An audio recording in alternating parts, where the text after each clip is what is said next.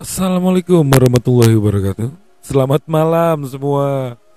Wow, tak terasa sudah lama sekali saya tidak upload ya tentang podcast obrolan panas negeri ini ya. Wow, banyak sekali sebenarnya. Semenjak dari setahun yang lalu sampai saat ini banyak banget ya tragedi-tragedi.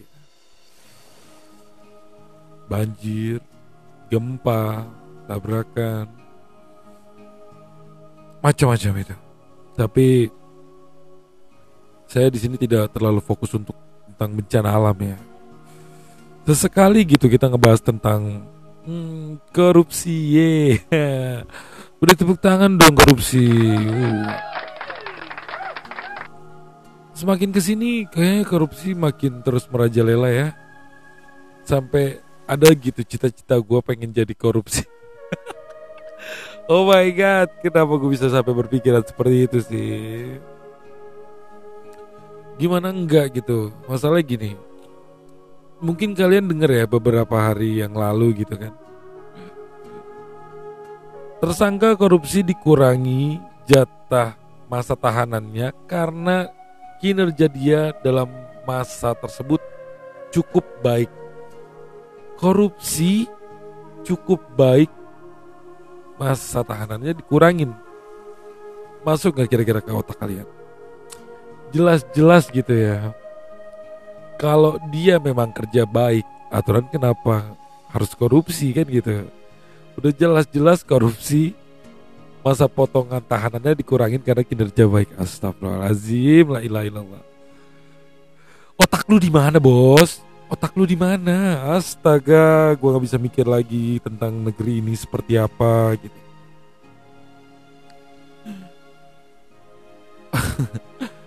Jangan melebar dulu ya ke tentang Menteri Yakut ini ya masalah masjid menggonggong-gonggong astaga itu lagi.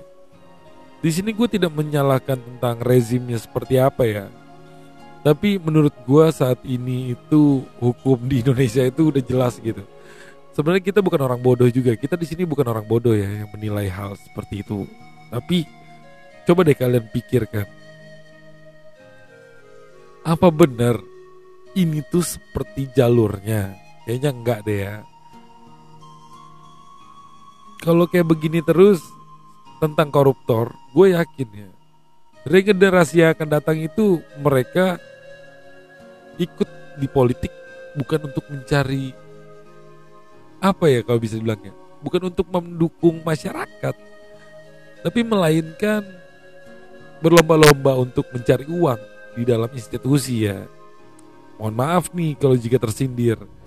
Karena memang kita di sini orang awam ya tapi kita sekalipun awam bisa lah menilai mana yang buruk mana yang benar gitu kan.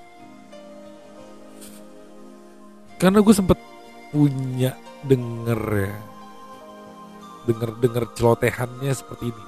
Celotehan rakyatnya seperti inilah ya. Masyarakat jika lo mau menjadi caleg itu harus mempunyai tim sukses. Dan tim sukses ini juga tidak modal suara. Melainkan memakai uang. Bikin baju bikin partai ya kan? Pakai stiker spanduk. Sosialisasi mungkin di tempat kalian macam-macam seperti itu. Dan ketika jika lau mereka terpilih gitu kan kita nggak munafik. Bagaimana caranya modal kita yang sudah keluar habis-habisan itu harus balik dulu. Entah bagaimana caranya. Menurut gue kalau orang yang kerja 100% real 100 kerja ya udah independen aja gitu kan. Lu masuk independen tanpa embel-embel apa pun itu jika lo terpilih ya syukur alhamdulillah berarti rezeki lu cocok di situ kan? Tapi saat ini tuh gue lihat itu nggak ada nggak ada. Gue sempat ada pembahasan ini di TV One sekitar 2018 atau 19 gitu gue lupa. Tentang pencalonan independen ya. Tapi kita nggak mau membahas melebar terlalu jauh lagi karena di sini yang gue bicarakan kenapa korupsi itu jelas-jelas gitu dia sudah korupsi ya kan? Duit bansos ya kan?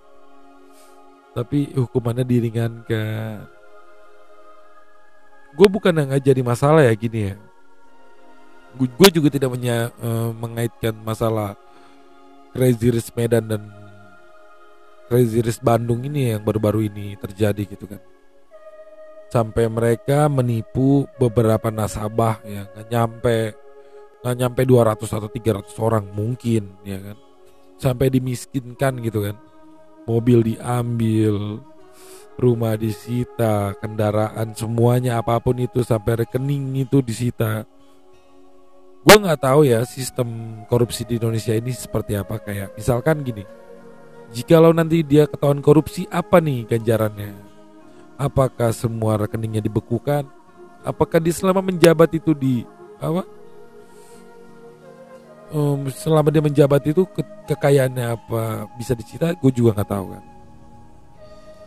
sampai ada penangkapan penangkapan macem-macem lah itulah tapi yang jelas saat ini adalah gue tidak mau berpikir panjang apa pun itu gue berharap semoga Indonesia ke depannya makin maju makin cerdas dalam berpikir dan selalu semangat dalam menjalankan hidup kita menjalan berdiri di kaki kita sendiri tanpa mereka pun kita juga bisa gitu Jaya selalu Indonesiaku, rakyatku, dan semoga Bapak Jokowi bisa mendengarkan podcast ini. Amin. Assalamualaikum warahmatullahi wabarakatuh.